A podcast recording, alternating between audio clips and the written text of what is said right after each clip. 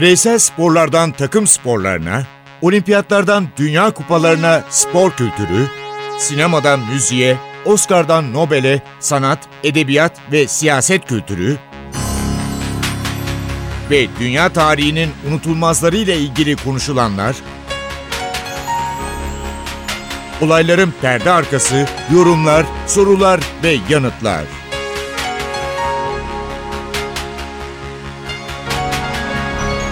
Ercan Taner ve Mert Aydın'la Ateş Arabaları başlıyor.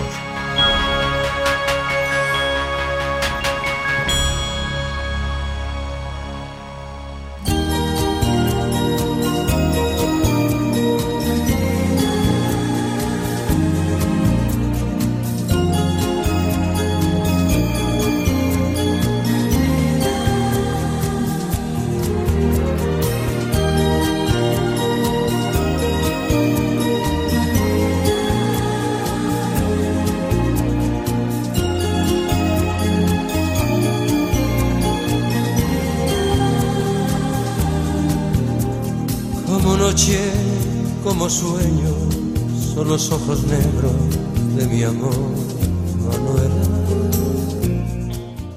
Merhaba, programı neden Julio Iglesias'la açtık?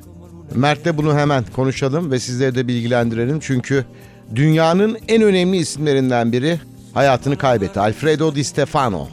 Don Alfredo Di Stefano. Don Carlone değil Mert.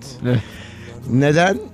Dünyanın gelmiş geçmiş en büyük futbolcusu, korkunç bir kupa koleksiyoncusu, 5 Avrupa şampiyonluğu birden ama kariyeri ve hayatı o kadar ilginç ki Julio Iglesias da bir süre Real Madrid'de yedek kaleci olduğu için öyle bir bağlantı yaptık ve 17 yaşında futbola Arjantin'de River Plate'te başlayan bir oyuncudan bahsedeceğiz.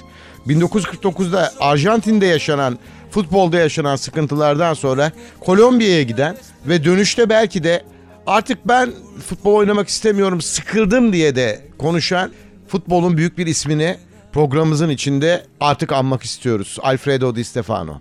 Evet 88 yaşında hayata gözlerini yumdu Alfredo Di Stefano. Bugünün gençleri ya da bugünkü kuşaklar Alfredo Di Stefano'yu Real Madrid'in e, flash transferleri ellerinde formalarını tutarken yanlarında yanlarında duran Bu yaşlı adam söylememiz lazım. Zidane, fenomen Ronaldo, Cristiano Ronaldo, olarak Kaka, Kaka, Beckham gibi büyük isimlere hep formalarını Alfredo Di Stefano verdi. Evet yanlarındaki o yaşlı adam Alfredo Di Stefano'ydu. Ee, Birçok kişiler kişi e, yani hem Pele'yi hem Maradona'yı hem Di Stefano'yu izlemiş kişiler. Ee, hepsinin ortak bir kanısı var. Aslında hani Pele ile Maradona çok popüler oldukları için onlar konuşuluyor ama Di Stefano'nun ikisinden de iyi olduğu söylenir. Pele'nin şöyle bir cümlesi var. Dünyanın gelmiş geçmiş en iyi futbolcusuydu. Alfredo Di Stefano. Maradona ile arası niye bozuldu? Onun için bu cümle önemli. Maradona'nın elle attığı golün dışında kafa golü yok. Ben Di Stefano'nun belgeselini seyrettim. Oynadığı maçlara baktım. İki ayak birden. Kontrol, kafa. Komple inanılmaz bir futbolcu.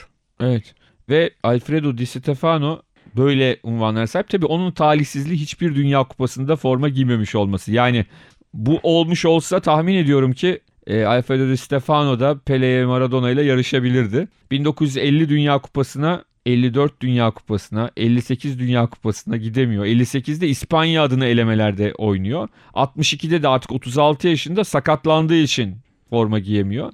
Maalesef o yüzden hiç Dünya Kupası'nda oynamadığı için de böyle bir talihsizlikle karşı karşıya ama senin de dediğin gibi tam 5 Avrupa şampiyonluğu üst üste ilk Şampiyon Kulüpler Kupası'nın ilk 5 yılında Real Madrid'in 5 şampiyonluğu Puşkaş'la kurdukları ortaklık diyelim saha içi ortaklığı bu başarının en büyük herhalde nedeni. 6 kez Arjantin milli takımının sonra Kolombiya'ya gittikten sonra 4 kez de Kolombiya milli takımının formasını giydikten sonra İspanyol vatandaşlığına geçiyor. 31 kez Alfredo Di Stefano İspanya milli takımının da formasını giyiyor. Ama özelliklerinden biri Barcelonalılar Buenos Aires'e geliyorlar. Kendi ağzından da belgeselde NTV Spor'da ben izledim. O hikayeyi anlatıyor. Beni almak istiyorlardı diyor Barcelona takımı. Fakat arada bir başka takım daha var. Real Madrid. Evet orada çok enteresan bir şey var. Önce şunu söyleyelim. Kolombiya'nın Millonarios takımına gittiği dönemde Di Stefano Kolombiya FIFA üyeliğinden çıkarılıyor. Bir FIFA ile Kolombiya Federasyonu arasında bir sıkıntı yaşanıyor ve bu yüzden de e, zaten o dönemde giydiği Kolombiya milli formasının çok fazla bir anlamı yok. O FIFA'dan çıkarılmışken Kolombiya milli takımının formasını giyiyor zaten. Ve o yüzden de e, Real Madrid ve Barcelona aynı anda onu almaya çalışıyorlar. Real Madrid e, yanlış hatırlamıyorsam Millonarios'la şeyde e, River Plate'le anlaşıyor Barcelona'da. Çünkü River Plate neden River Plate? E, Millonarios'u tanımıyor. Kolombiya Federasyonu'nu tanımıyor FIFA. Kimi tanıyor? Önceki kulübü hangisiyse onu tanıyor River Plate'i. Ve sonuçta Real Madrid Millonarios'la anlaşıyor. İspanya Futbol Federasyonu bunu kabul ediyor. Barcelona River Plate'le anlaşıyor. FIFA bunu kabul ediyor. Ve en sonunda diyorlar ki ha, bir de tam o dönemde İspanya'da yabancı futbolcu yasağı çıkıyor. Ama o hemen halledilen bir sorun. Yani çok kolay bir şekilde hallediliyor. Ardından da bu sorunun halledilmesi şu şekilde oluyor. 4 yıllık bir kontrat var. Bu 4 yılın 2 yılında Barcelona 2 yılında da Real Madrid forması giyecek. Ancak Barcelona tarafı buna karşı çıkıyor ve çok cüzi bir parayı kabul ederek, almayı kabul ederek Di Stefano'nun kontratının tamamını Real Madrid'e bırakıyor. Tarihin en büyük hatalarından biri olarak yerini alacak. Çünkü çok ilginç bir şey var. Di Stefano Puşkaş ikilisi var daha sonra. Eğer Di Stefano Barcelona'ya gelse Di Stefano Kubala ikilisi olacak. Bir başka Ha. Macar kökenli oyuncu. Ve o da apayrı şeyler üretecek. Çok ilginç onu da söyleyeyim. Futbolun son döneminde Espanyol'a transfer oluyor Di Stefano. Real'de değil Espanyol'da bırakıyor. O sırada Barcelona'da da Kubala yaşlanıyor. O da Espanyol'a gidiyor ve ikisi 40 yaşında Futbolu Birlik- bırakıyor Di bir- Stefano. birlikte birlikte oynuyorlar İspanya Ligi'nde Espanyol formasıyla ve bayağı bir insan ikisini birlikte nihayet seyredebilmenin heyecanıyla gelip Barcelona'da Espanyol'la oynarlarken ikisini seyrediyorlar. İki kez Real Madrid'de teknik direktörlük yaptı ama kulüp onu hiç bırakmadı. Onursal başkan olarak ilan Tabii etti. orada şunu da söyleyelim. Hani çok farklı futbola bakıyor diye bazen işte her oyuncuyu transfer ediyor diye Florentino Perez'e laf ediyoruz ama e, onu onursal başkan yapan ve o bütün o transferlerde de başrolde çıkaran adam Florentino Perez. Çünkü Perez de onu izleyerek Real Madrid'li olan kişilerden biri. kuşla- kuşaklardan evet kişilerden bir tanesi. Bu da hani İstanbul'da derler ya vefa İstanbul'da bir semt adımıdır sadece diye. En azından Perez'in Florentino Perez'in e, Öyle- vefası böyle. evet Her zaman için Zaten- e, ön planda Alfredo Di Stefano vardı. görüntüleri izledim mi bilmiyorum ağlıyor dün. Dünkü Dün ölüm haberinden sonra e, çok samimi bir şekilde gözyaşlarını tutamıyor. O dönemde biraz daha geriye gidersek İspanya Savaşı var. Ve Franco'yu destekleyen ülkeler var. Tarihi de tabii konuşurken futbolu da etkilediğini. Hep birlikte görüyoruz. Real Madrid, Barcelona rekabetini etkilediğini görüyoruz. Franco'nun tarafını destekleyenler İtalya, Almanya ve Portekiz. Hatta İspanyol Cumhuriyetçileri destekleyenler arasında bir de yazar var. Ernest Hemingway ve o sırada bir kitap çıkıyor. Çanlar kimin için çalıyor diye. Çanlar Cumhuriyetçiler için çalıyor. Çünkü Franco kazanıyor. Evet bu arada Franco'nun kazanmasının en büyük sebebi Adolf Hitler. Bu yüzden Avusturya ile Çekoslovakya'yı rahatlıkla işgal ediyor. Tabii. Ve Akdeniz'de şöyle bir pakt yapıyor. Madrid, Berlin, Roma. Tamamıyla Akdeniz'i kontrol altına alıyor. Ama Hemingway şunu der. Savaşların sebebi yoktur. Adolf Hitler de şunu der. Her savaşın sebebi vardır ve kazancı Akdeniz oluyor.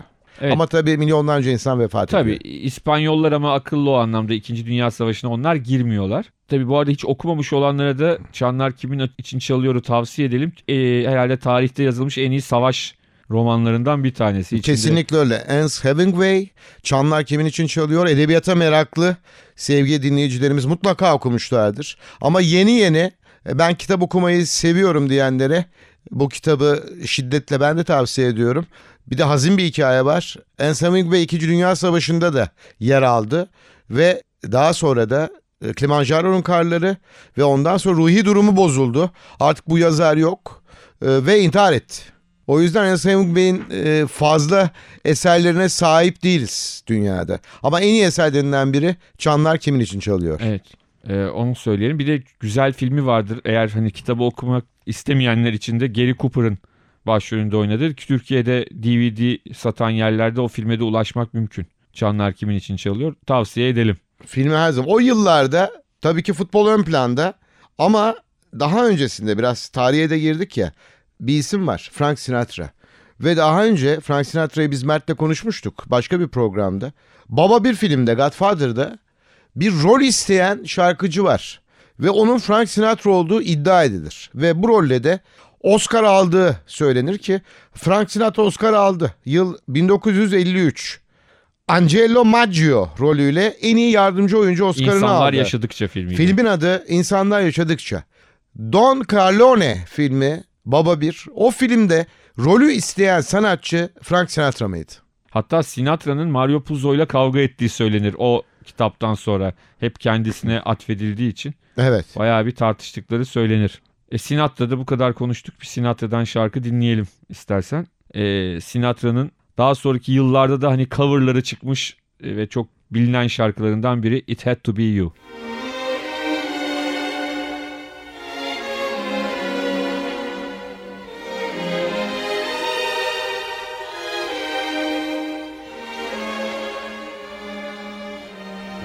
Why do I do just as you say?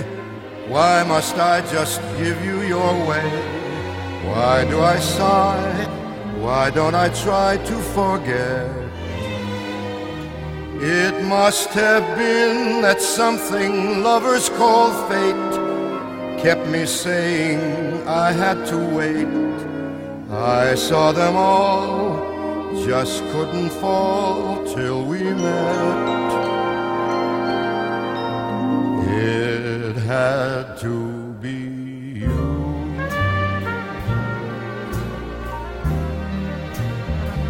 It had to be you.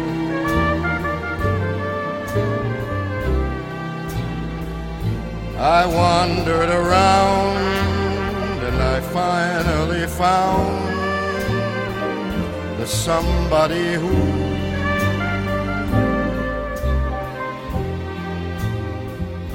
make me be true. And could make me be blue. And even be glad just to be sad thinking of you. Some I've seen. Might never be mean, might never be cross or try to be boss, but they wouldn't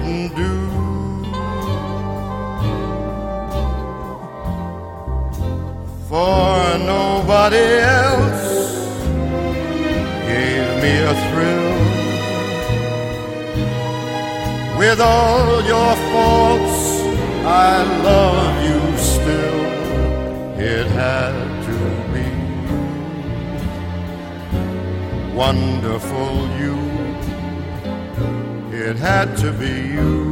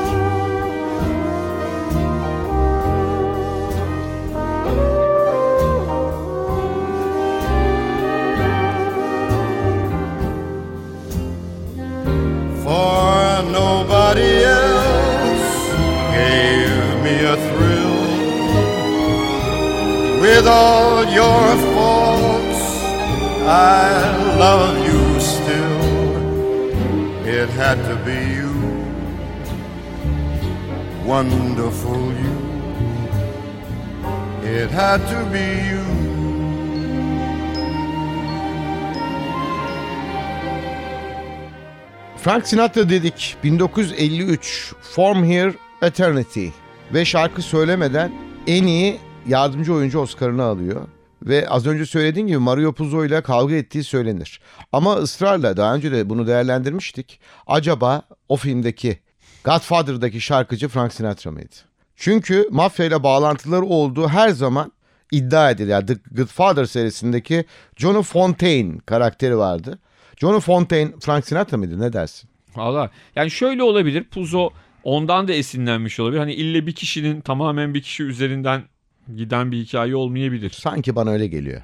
Yani Bana öyle geliyor. Son dönemleri yalnız biraz hazin Frank Sinatra'nın ama buna rağmen e, şu var 1995'e kadar şarkı söylüyor. Ve bazen e, sahnede son dönemlerinde e, bayağı yaşlanıyor tabii ki. Şarkıları unutuyor. Orada ritim tutuyor, melodileri mırıldanıyor. Buna rağmen ayakta alkışlanıyor. en büyük özelliklerinden biri bu. Frank Sinatra'nın. Yine onun unutulmaz bir eseriyle devam edeceğiz. evet. Don't make a beggar of me.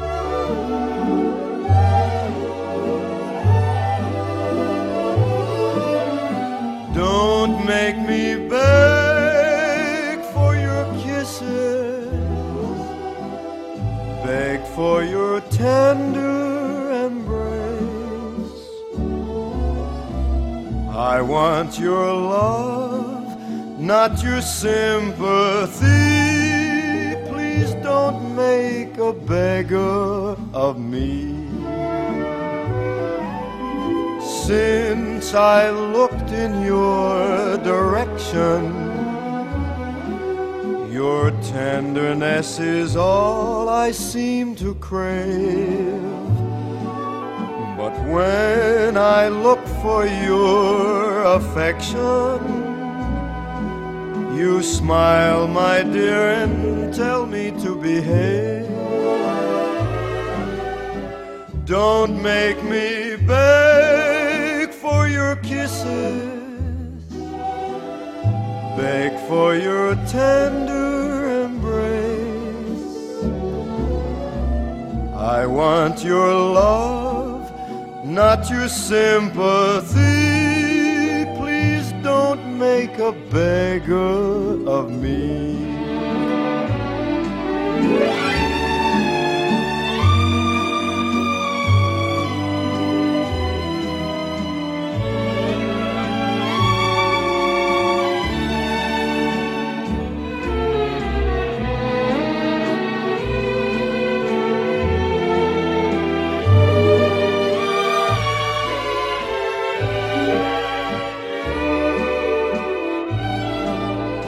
While I sigh and keep confessing the love I have for you will never die.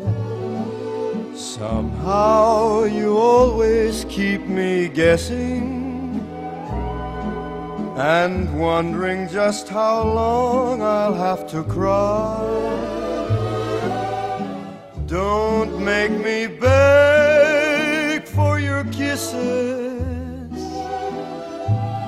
for your tender embrace. I want your love, not your sympathy. Please don't make a beggar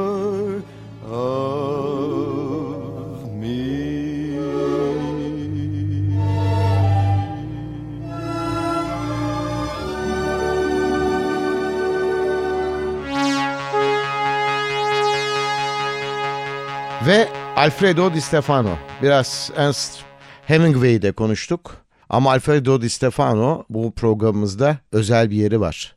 Bu albümümüzde diyelim daha doğrusu. Mert'in de Di Stefano ile ilgili yine birlikte paylaşacağımız güzel bir notu var. Evet. Gelmiş geçmiş en iyi şampiyon kulüpler finallerinden biri 1960 finali Glasgow'da. Ki Alex Ferguson'ın da o maçı izleyenler arasında olduğunu biliyoruz. Real Madrid Eintracht Frankfurt karşılaşması 7-3 Real Madrid'in kazandığı maç. O maçta Di Stefano ve Puskas'ın artık şov yaptıkları karşılaşma müthiş oynadıkları maç olarak bilinir. Maçın sonları oynanıyor 7-3 Real Madrid önde. Frankfurt'ta da Irving Stein isminde bir futbolcu var ve 3 golün ikisini atan oyuncu. Hep kafasında şu var maçın topunu alıp evine götürmek. Maç bitecek, topu alacak ve Hatıra eve 2 gol götürecek. atmış şampiyon kulüpler finalinde. E, atacak da maçın son 2 dakikasını Puşkaş'la Di Stefano bir köşeye gidiyorlar. Paslaşmaya başlıyorlar. Onların da amacı düdük son düdük çaldığında top kimdeyse top onda kalacak. Tabii Irving yıkılıyor yani hani böyle bir durum. Şimdi gidip ayaklarından topu alma şansı da yok. Gidiyor yalvarıyor onlar topla paslaşırken. Ne olur diyor beni üzmeyin. Hani iki gol attım siz kupayı kazanacaksınız. Puşkaş ile Di Stefano acıyorlar ve hakikaten de maç bitiminde topu Alman futbolcuya veriyorlar ve gönderiyorlar. O topu veriyorlar. Evet. Los Galacticos sadece lakaplarından biri Real Madrid'in. Esas Los Blancos, beyazlar. Beyazlar. O beyaz formayı giyen Alfredo Di Stefano ile Real Madrid dünyanın gelmiş geçmiş 112 yılı geçti hatta. 6 Mart 1902'de kuruluyor Real Madrid. Çok büyük başarılara imza atıp dünyanın en önemli futbol kulübü demiyorum. Spor, spor kulüplerinden biri oluyor. E, Ferguson'ın dün bir mesajı var. Di Stefano yönetimindeki Real Madrid ile Ferguson yönetimindeki Aberdeen Kupa Galipleri Kupası finali oynadılar. Avrupa Kupa Galipleri Kupası finali ve o maçı Aberdeen kazandı. Kupayı Kupa Galipleri Kupası'nı kazandı Alex Ferguson. Alex Ferguson diyor ki benim için o e, maçı unutulmaz kılan tamam kupayı falan kazandık ama Di Stefano'nun bana gelip takımımı e, detaylı bir şekilde analiz edip bana ne kadar iyi bir takım yaptığımı, ne kadar güzel futbol oynadığımızı söylemesi oldu. Yani Di Stefano bana bunu söylediğine göre her şey iyi gidiyor demektir diye düşündüm ve çok inanılmaz derecede e, heyecanlanmıştım diye bir şey söylemiş. Yani mesajında e, taziye Peki, mesajında bunu anlatmış. Ee, bu kulübün başına niye Real kelimesi var? Real ne demek? Bunları konuşacağız. Çünkü sadece Real Madrid'in başında Real yazmıyor ama Frank Sinatra'dan sonra. Evet. Frank Sinatra'dan The Best Is Yet To Come.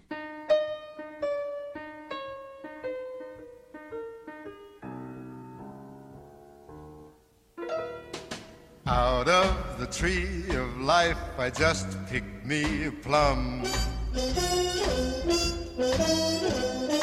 You came along and everything started into hum. Still, it's a real good bet. The best is yet to come. Best is yet to come, and babe, won't that be fine? You think you've seen the sun, but you ain't seen it shine. Wait till the warm up's underway. Wait till our lips have met. And wait till you see that sunshine day. You ain't seen nothing yet. The best is yet to come, and babe, won't it be fine? Best is yet to come, come the day you're mine.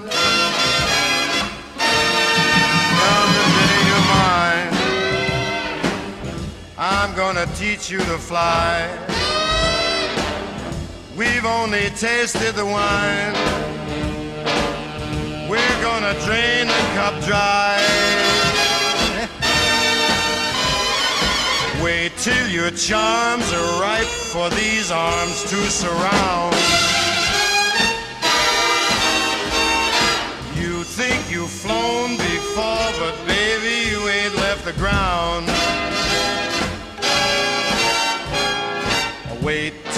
Locked in my embrace. Wait till I draw you near. Wait till you see that sunshine place. Ain't nothing like it here. The best is yet to come, and babe, won't it be fine? Best is yet to come, come the day you're mine. Come the day you're mine.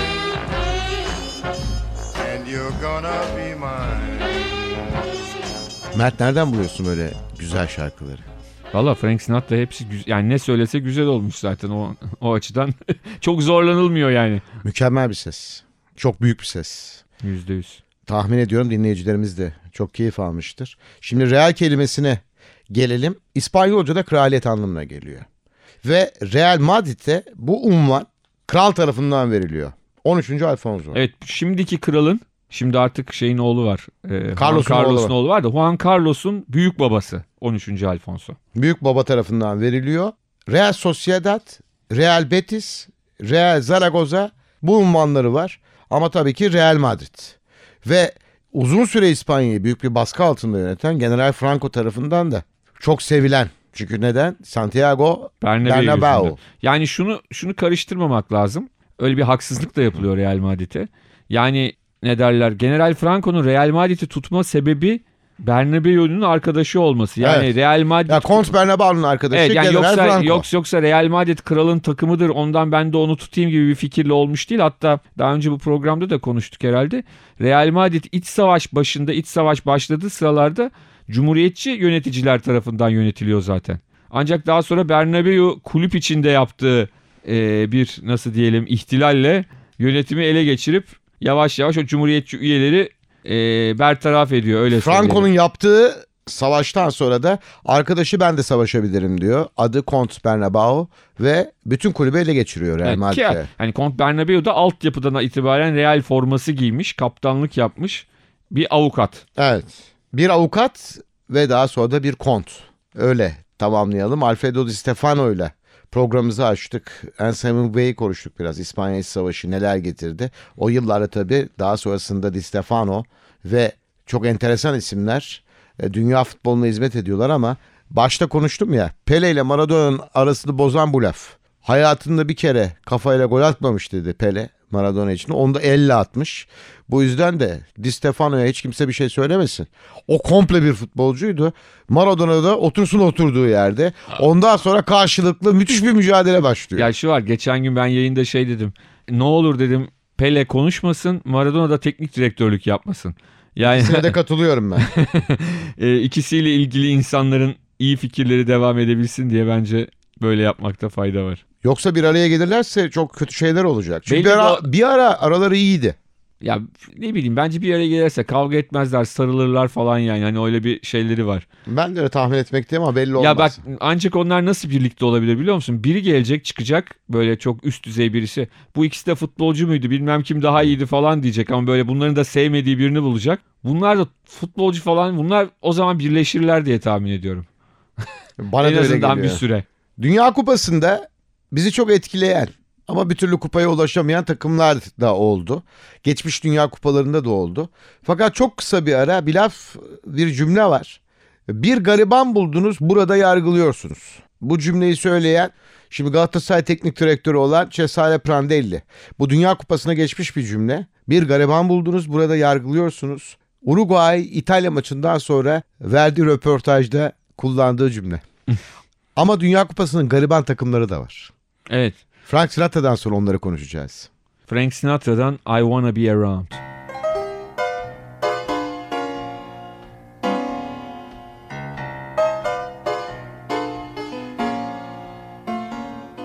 I wanna be around to pick up the pieces when somebody breaks your heart. Somebody twice as smart as I.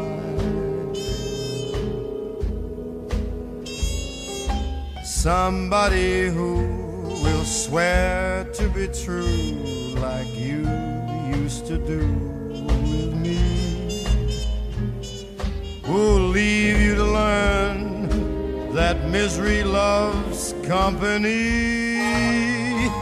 Wait and see. I wanna be around to see how he does it when he breaks your heart to bits. Let's see if the puzzle fits so fine. And that's when I'll discover that revenge is sweet. As I sit there applauding from a front row seat when somebody breaks your heart like you broke mine. That's when I'll discover that revenge is sweet.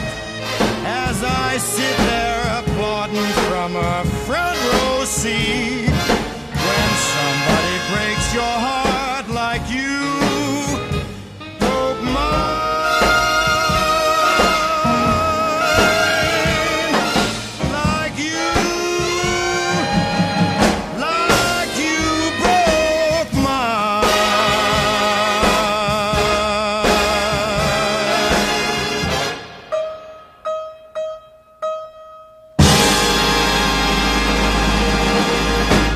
Bir gariban buldunuz burada yargılıyorsunuz. Cesare Prandelli'ye ait bu söz.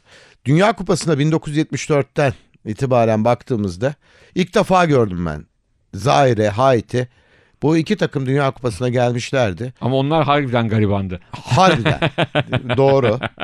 İtalya Haiti ile oynuyor. Zoff gol yememe rekorunu devam ettiriyor İtalya milli takımının kalecisi.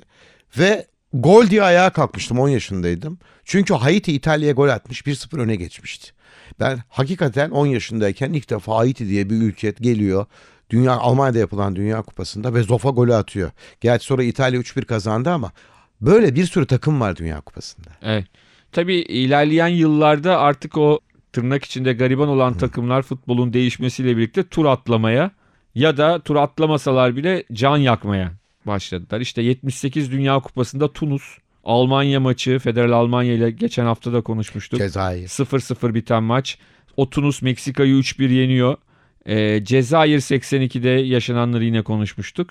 O garibanların artık tur atlamaya başlaması da e, 86 Dünya Kupası ile karşımıza çıkıyor. 86 Dünya Kupası'nda Fas milli takımı hem de o zamanın ölüm gruplarından bir tanesinde İngiltere, Polonya ve Portekiz'in olduğu grupta birinci oluyor. Yani Portekiz'i 3-1 yeniyor. İngiltere ile berabere kalıyor. Polonya ile berabere kalıyor ve gruptan çıkmayı başarıyor.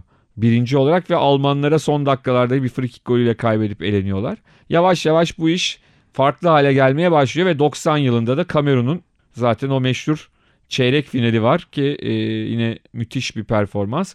94 Dünya Kupası'nda ise Suudi Arabistan. Şimdi o zamana kadar Afrika takımları tamam ama bir Asya takımının hele bir, bir körfezden bir takımın tur atlaması, belli bir yerlere gelmesi mümkün çok fazla görünmüyor. Gözükmüyor tabii ki.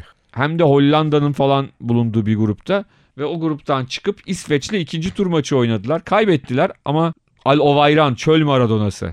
Belçika'ya attığı golü hatırlarsın. Hatırlamaz olur muyum? İnanılmaz bir gol. Slalom gol. Hani Dünya Kupası tarihinin Dünya kupaları gollerinden biri. tarihinde görülmüş çok ender pozisyonlardan biri. Slalom gol tabirin mükemmel bence. Yani Alberto Tomba'ya yani yarışır onunla yarışır bir slalom yaparak Belçika Ama Alberto Tomba'yı söylemen lazım şimdi. Alberto Tomba. tabii dedi. slalom deyince kayakta bir Dünyanın numara, önemli İtalyan. biri Alberto Tomba. Yani Ben de şunu söyleyeyim. Alberto Kova. Hatırladın mı? evet tabii. Son metrelerdeki o finişini uzun mesafeci. uzun mesafede inanılmaz de depardı. Evet. Tabii e, Belçikalılar öyle goller yemeye alışkın. E, ondan kısa 3 yıl sonra da e, Oktay'dan bir slalom gol yemişlerdi ama Ali Sami Yensi de İstanbul. Evet, Alovayra'nın golü çok daha uzun mesafeliydi. Yani başlaması bitişi arasında bir 50 metre vardı. Ba- e, orta sahadan topu alıp çalımlar yaparak atmıştı. E, Suudi Arabistan hiçbir zaman Zaire gibi olmadı yani. Orada Çünkü gruptan Zaire şöyle söyleyeyim. 7-0, 8-0 Zaire Dünya Kupalarında 1974'te aldığı sonuçlarla artık olayı basketbol maçına döndürmeye ve yedilen başlamıştı. gollerdeki acemilikler çok acayip yani. Onu da belirtmek lazım. Onu da söylemek lazım. Sona doğru gidiyoruz ama sizi bırakmıyoruz tabii ki Frank Sinatra. Frank Sinatra'dan bir klasik My Way.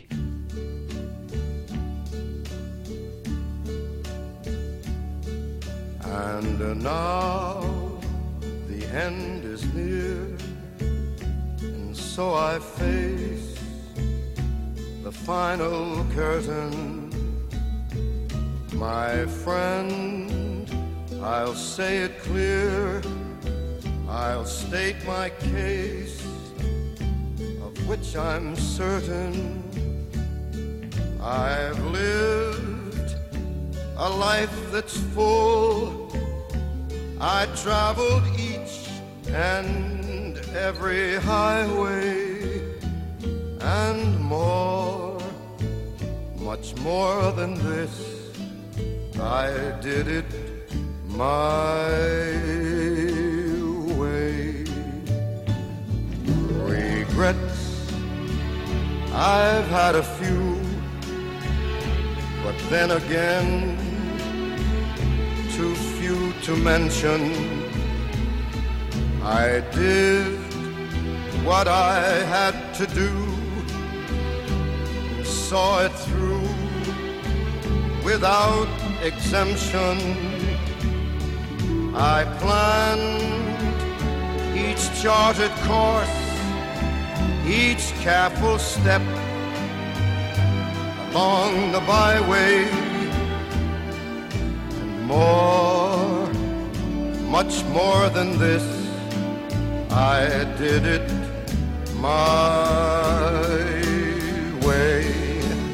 Yes, there were times I'm sure you knew when I bit off more than I could chew. But through it all, when there was doubt,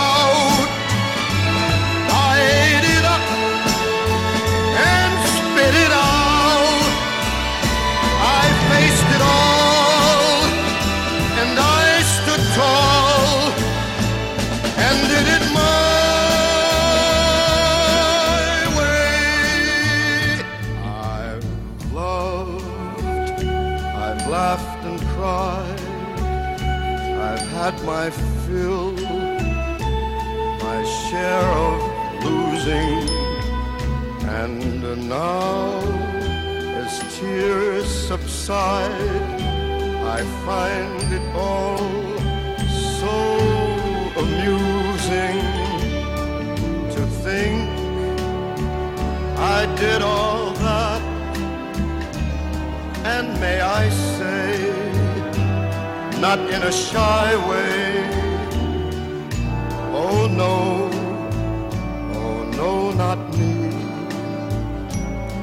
I did it my way.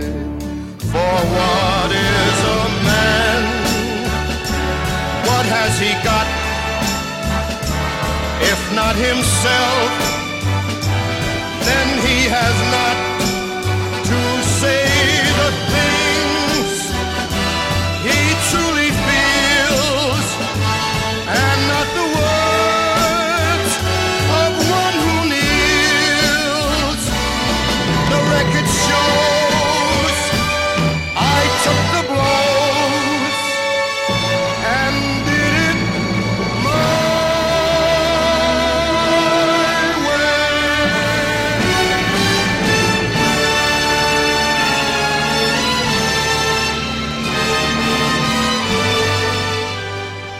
şarkıyı esasında Alfredo Di Stefano için çaldık.